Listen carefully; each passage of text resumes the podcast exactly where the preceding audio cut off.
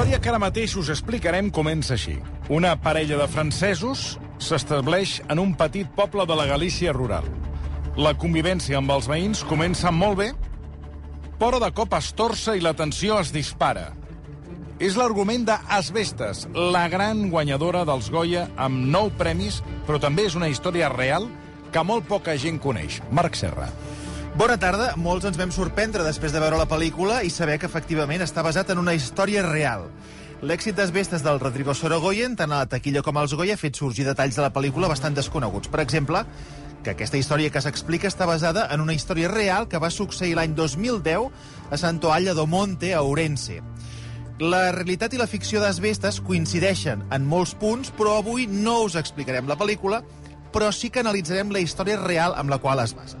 Quedeu advertits. Al versió RACó hem pogut parlar amb la dona amb la qual es basa tota la història d'aquest succés de la pel·lícula. Es diu Margot Poole i la pel·lícula explica precisament tot el que li va succeir a ella i al seu marit quan van arribar a aquest petit poble gallec. De fet, els guionistes de la pel·lícula li van dedicar al Goya quan el van recollir dissabte passat a la categoria de millor guió. Ara l'escoltarem, però abans deixeu-me saludar a la periodista que des del primer moment va seguir tot el que va passar a Santolalla de Monte i que ho ha explicat detalladament a El País. És la Sílvia Rodríguez Pontevedra, corresponsal del País a Galícia. Sílvia, bona tarda, buenas tardes. Hola, muy buenas tardes. Buena tarde. Buena Buena tarde. tarde. Gracias por acompañarnos. Vamos a decir que es la periodista de referencia de este caso, lo seguiste desde el principio. Lo vamos a explicar cronológicamente sin avanzarnos en la historia. Todo empieza con un matrimonio de origen holandés, aunque en la película se dice que son franceses, que llegan a este pequeño pueblo. son Margot y su marido Martín. Sitúanos un poco con los protagonistas. ¿Con quién se encuentran ellos dos y de dónde vienen?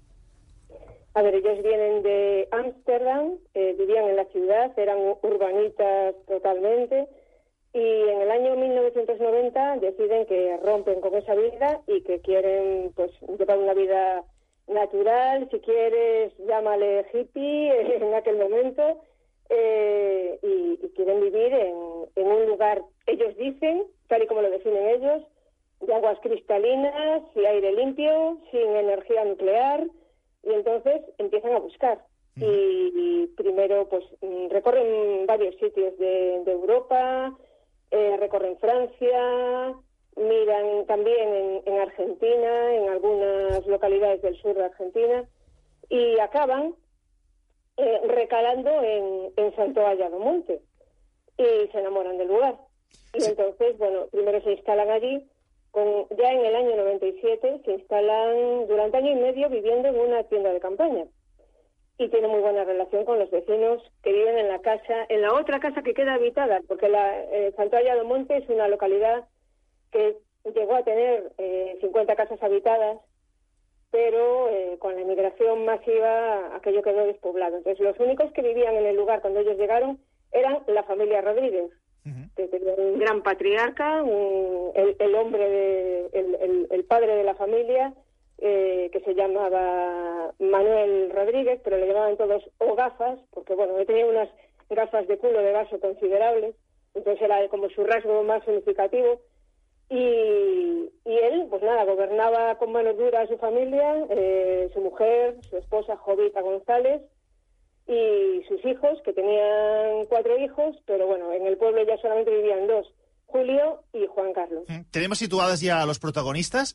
Ellos, este matrimonio llega allí con la intención de establecerse en un pueblo que, que ven como idílico, les parece espectacular. Tenemos también situados los dos otros, otros antagonistas de la historia, que son estos dos hermanos, Juan Carlos y Julio. Eh, como decía, hemos podido hablar con Margot Poole, que me contaba cómo fue la llegada a este pueblo. Eh, un sitio para vivir en la nat- naturaleza con animales y tranquilidad ¿Dónde, de, de dónde veníais? de Holanda. ¿Y, y qué, tenía, qué tenía este pueblo que no tuviera Holanda? Eh, sitio. no, pero también eh, mucho, es, ya, mucho es- espacio, mucho tranquilidad y posibilidades, pues ¿Cuánto llegasteis? ¿Con qué os encontrasteis? ¿Cómo estaba el pueblo? ¿Quién vivía? ¿Cuántas casas había? hay, hay muchos, eh, o había muchas ruinas ya en esos días, no tan malo eh, como ahora, y a vivir solo una familia. I aquesta és la història, solo una familia. Ella explica, ella explica, Silvia, que la gente cuando se encontraron era amable. Vamos a ver cómo los define y cómo va a ir cambiando la historia. No, muy, amable y um, el, el, el, Manolo, el viejo, ha, ha, ayudado a nosotros para comprar uh, unas cosas de un amigo de él, pues muy amable. Uh, hemos, hemos a veces uh, comido juntos y no, no, muy, muy amable. Los primeros meses muy amable. Silvia, relación idílica, todo idílico. El pueblo, los vecinos muy amables. ¿Cuándo empieza a torcerse la cuestión? pues empieza a torcerse en el momento en que los holandeses empiezan a darse cuenta de que siendo propietarios ya de una casa, eso que dice Margo, de que le ayudó a comprar unas cosas, le ayudó a comprar unas casas, eh, que, y de hecho el, el, el gafas, el, que llama ella el viejo, eh, eh, cobró 100.0y pesetas por ayudarle a hacer la gestión esa de localizar a un propietario emigrado y, y, y apalabrar ¿no? la compra esa de, de, la vivienda y de otras dos ruinas, que ya casi todo era ruinas entonces.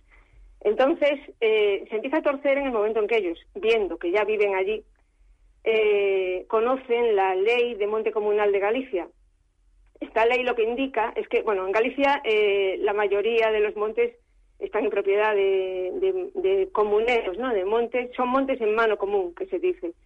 Y la explotación de esos montes, pues da unos beneficios, claro, sobre todo la venta de pinos, pero también la instalación de parques eólicos, ahora que el tema, además, con asbestas está también muy candente. Sí. Eh, y bueno, eh, pues ellos eh, descubrieron que esa ley decía literalmente que eh, las personas que, las familias o los vecinos que vivan 10 meses, que tengan chimenea con humus, que es lo que dice la ley, chimenea con humus, más de 10 meses en, eh, al año, tienen derechos sobre esos montes comunales.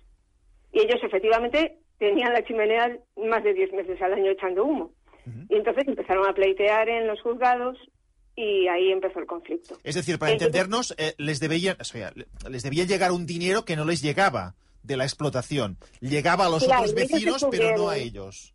Claro, a ver, eh, ya te había dicho antes que eran unos 50 vecinos anteriormente. Al irse marchando iban perdiendo los derechos sobre el monte comunal. 355 hectáreas de pinar y de pastos. Habían ido las empresas eólicas, cosa que Margo ahora no recuerda, pero que a mí me contó Mar eh, Martín. Habían ido las empresas eólicas, había hablado habían tanteado a los vecinos hablando de que iban a instalar 25 molinos a 6.000 euros por molino para la comunidad de Montes. Y, entonces, bueno, eh, en palabras del alcalde, les calentaron la cabeza a los Rodríguez con ese tipo de cosas, las empresas, pero aparte estaba el tema de los pinos, que eso sí era seguro, estaba ahí, y la venta de pinos, pues a lo mejor en una venta, en una tala y una venta, pues sacan una, unos 10.000, 25.000, muchísimo dinero. Les calentaron la eh, cabeza. Dime, dime. Simplemente había 50 familias que tenían derechos, pero se fueron y dejaron de tener los derechos.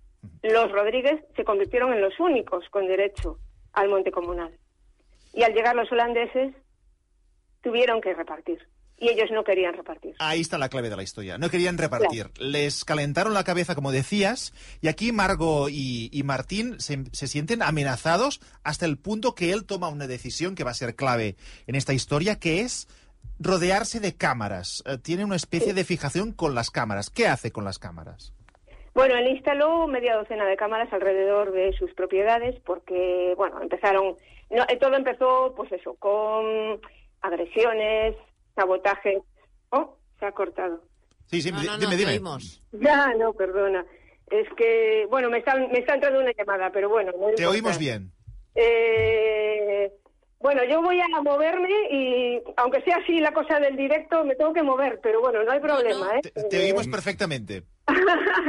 es que tengo que salir un momento. Bueno, os cuento. Eh, sí, eh, estábamos en eso, en que rodeó la casa de cámaras Sí. para grabar primero pues los sabotajes que le hacían a su propiedad, ¿no? Le, pues a lo mejor le envenenaban las cosechas, eh, le, le entraban y le robaban el gasoil que tenía él para desbrozar, eh, le, le metían la mula por la noche en el cercado, le comía el maíz de tres meses. Hola, perdón un momento. Hola, muy buenas, déjalo ahí, ¿vale? Déjalo ahí, Un ¿vale? paquet, ja m'entrega. La ràdio en directe. Per això ha hagut de A una sortir, entrega. pobre. Sí. Clar, no és que li interessa una trucada, No, no, és que l'estaven trucant Sí. que li havien d'entregar un paquet. és molt Ha important, sortit eh? a rebre el paquet Perquè si no hi ets, malament, eh? Demà el- Si no hi ets, després... Sí, sí, demà, demà segur que... Bueno, ya, estoy- ya estoy con vosotros. Estupendo, Estupendo, estupendo. estupendo. Demà, Sí. de- demà ja t'he ja fet el diàleg. el- Has hecho un corte en, en la tensión tremendo, ¿eh? Estamos ahí... eh, dime, dime. O sea que vam- vamos a escucharla a ella. llegado- no vamos a hacer publicidad, pero ha llegado una multinacional que vende cosas de todo tipo y... No, no, claro. Sí, sí, si, no te si pasa preocupes. de largo, ya eso es hay que irlo a recoger luego. Ya Bueno. tengo que ir a buscarlo, claro, claro. Y, y bueno, estaba, no, no, estaba diciendo que, que- Martín se obsesiona con el tema de las cámaras. Él se siente amenazado por todas esas cosas que estás contando. Y fíjate cómo lo cuenta su mujer. Tu marido eh, se, estaba preocupado y empezó con las cámaras, ¿no? ¿Qué, qué, qué hizo con las cámaras? ¿Dónde las puso? Eh, enfrente de la, de, de- de la casa, ¿Y por qué las puso ahí? eh, por seguridad. Para mí, yo, yo no que- quería todas esas cosas. Yo, yo quería paz y de dejar a los vecinos en, en su, su, su tierra y nosotros en, en nuestra. Yuka dice que ella no lo quería, no quería tener esta obsesión con las cámaras. El hecho es tan grave que él, eh, Martín, va con una cámara encima por si le ocurre a alguien o algo o alguien lo, lo amenaza o lo que sea. Y la situación llega a un punto de tensión insoportable que acaba con el asesinato de Martín, el marido de Margo a quien estamos escuchando. ¿Qué pasó en ese día? Bueno, en ese día, eso ya fue en 2010. O sea, en 2009 él se obsesionó, estuvo todo el año obsesionado, eh, empezó a enviar cartas, eh, se hizo una lista, pues el rey, el presidente de la Junta, el presidente del gobierno, eh, tenía un montón de direcciones, ¿no? Y empezó a enviar cartas hablando, denunciando lo que él bautizó como terrorismo rural. Y, y entonces, pues nada, incluso en- a principios de enero, esto fue a finales, o sea, él estaba grabando y tal, a nosotros nos, nos facilitó, nos entregó eh, vídeos en los que se veía, pues eso, amenazas, agresiones. Y, y después, pues a principios de enero, él se fue a hacer un seguro de vida porque temía por su vida de una manera ya palpable, ¿no? O sea, era, era inminente. De hecho, mandó a su mujer a, a- Holanda, no, a Alemania, a cuidar a un tío con la excusa de separarla de allí, porque también para protegerla. Y entonces, nada, el día, pues el día 19 de enero, 10 días antes de su cumpleaños, cumplía 52, eh, pues eh, bajó a hacer unas compras a- al, al pueblo y cuando subió con, en su coche, que era un Chevrolet Blazer que hacía mucho ruido y muy, muy, muy escandaloso, muy antiguo, muy viejo, eh, pues llegó justo al- a la entrada de la aldea. La aldea es curioso porque eh, no tenían ni que verse eh, las dos familias, porque había dos caminos, al- se bifurcaba el camino de llegada a la aldea en dos, en dos calles. Una lleva- llevaba a la casa de los Rodríguez y la otra llevaba a la casa de los Berfonder, y estaban en los dos extremos del pueblo. Pero justo en el cruce llegó y se encontró con Carlos. Y Carlos, como siempre, llevaba un rifle al hombro. Carlos eh, tiene una, una minusvalía psíquica del 65%, no tenía licencia de armas, pero siempre llevaba un arma al hombro. De hecho, él tenía tres y en su casa luego encontraron 14. Y, y nada, y eso pues le, eh, le disparó, según luego, según confesó. Bueno, ya, ya lo hablaremos. Sí. Vamos a escuchar lo que dice Margo de ese, de ese momento terrible. Fui a, a hacer compras y no he volvido. Y dicen que ha encontrado en uno de los hermanos en, en la calle y ahí tiró. Mm. Disparó. disparó, sí. ¿Tú sabías quién había sido seguro? ¿Lo tenías claro desde el principio? Eh, no había otra eh, posibilidad. ¿La policía investigó bien o no? Sí, sí. E- Ellos han hecho lo que podrían. ¿Pero no encontraban, claro, la- eso- ¿no encontraban las pistas o qué pasaba? No, no, nada. Nada, porque estaba, estaba bastante lejos.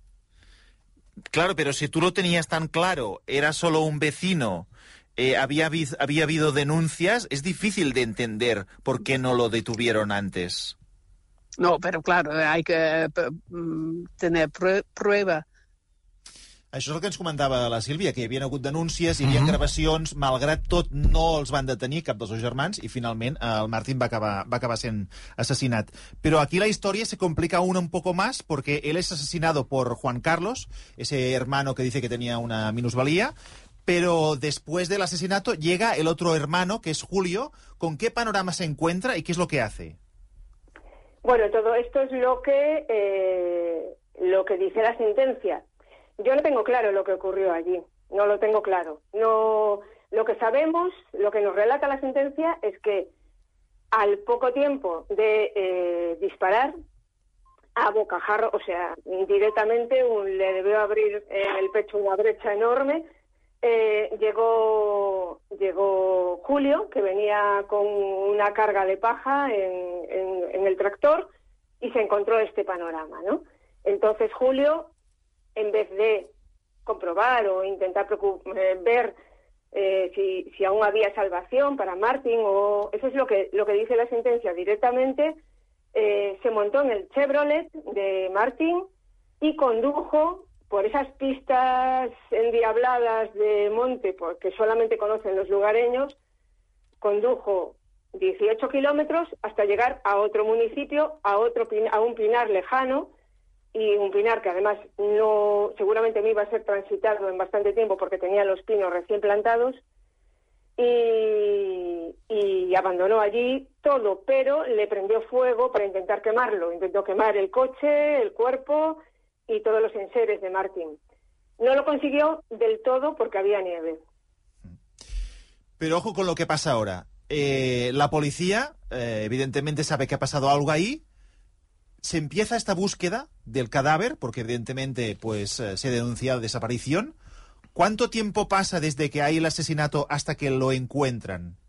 Cuatro años y medio. Se buscó, incluso se, se buscó con, con tecnología eh, muy, muy puntera, eh, desde helicópteros, con sistemas de mm, visión infrarrojos para poder eh, buscar el coche en, en alguno de los pantanos. Aquella comarca está llena de pantanos y, no, no encontraron nada. Eh, y, y bueno, un día en una eh, revisión, una, un viaje de un helicóptero de la Guardia Civil que estaba controlando los incendios forestales, vislumbró algo que brillaba en el pinar en cuestión y, y al día siguiente mm, bajaron y comprobaron que era el coche de Martin Berfonder. Pero es que lo más fuerte de esta historia, hemos dicho que tardan cuatro años en encontrar el coche, es que Margo no se marchó nunca del pueblo.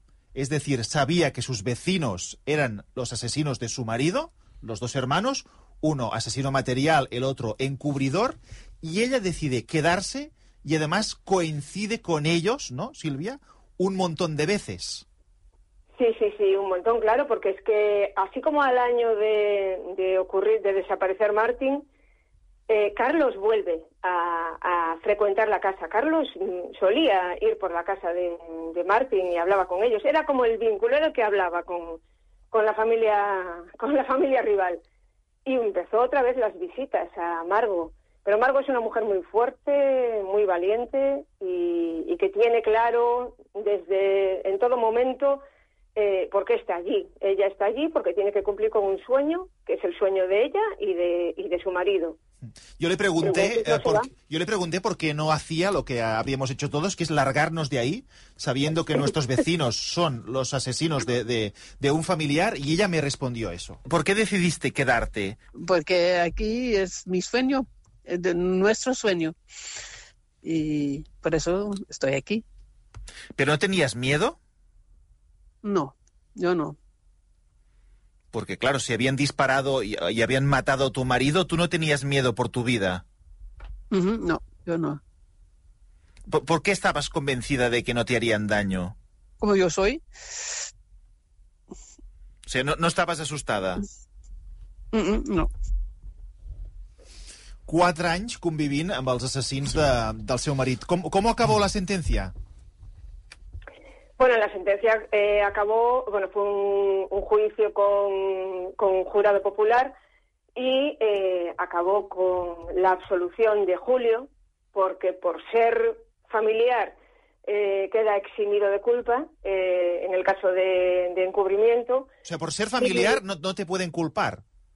No, A- no, aún no, habiendo es- cogido el coche, quemar eh, todo, no, tampoco.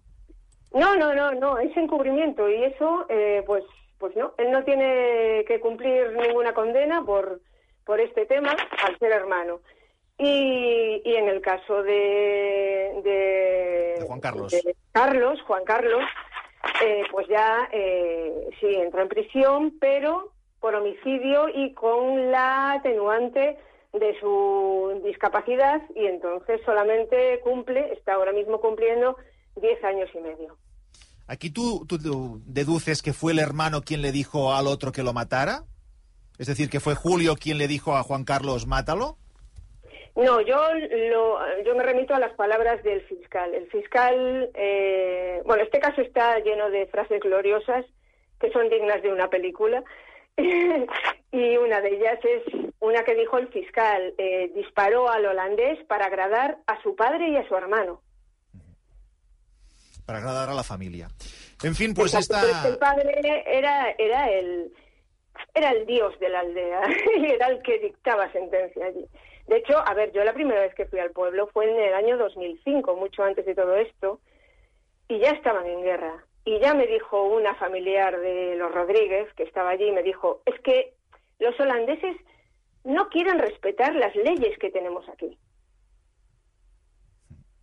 Eh, és una història que es repeteix a, a molts pobles, eh, amb unes Mm, situacions sí. semblants. Eh? Sí, sí. Eh, els que venen de fora eh, i els que són aquí pensen allò, senyor Marcelí, d'hostes vingueren que, Que de que casa de es casa tragueren. Silvia Rodríguez eh, Pontevedra, muchísimas gracias por contarnos la historia real detrás de Asbestas. Un placer. Muchas gracias. Buenas tardes. Gràcies. Gràcies, buenas tardes. Eh, tot això eh, li he fet una, una referència a la Marta Aguilar, que aquesta història m'ha recordat la de Fargo, mm. Que també es va originar amb un nou vingut i a partir d'aquí es van crear unes, eh, unes discrepàncies, eh, és a dir, que aquestes històries eh, han I patit... també ens parlaven de Tor.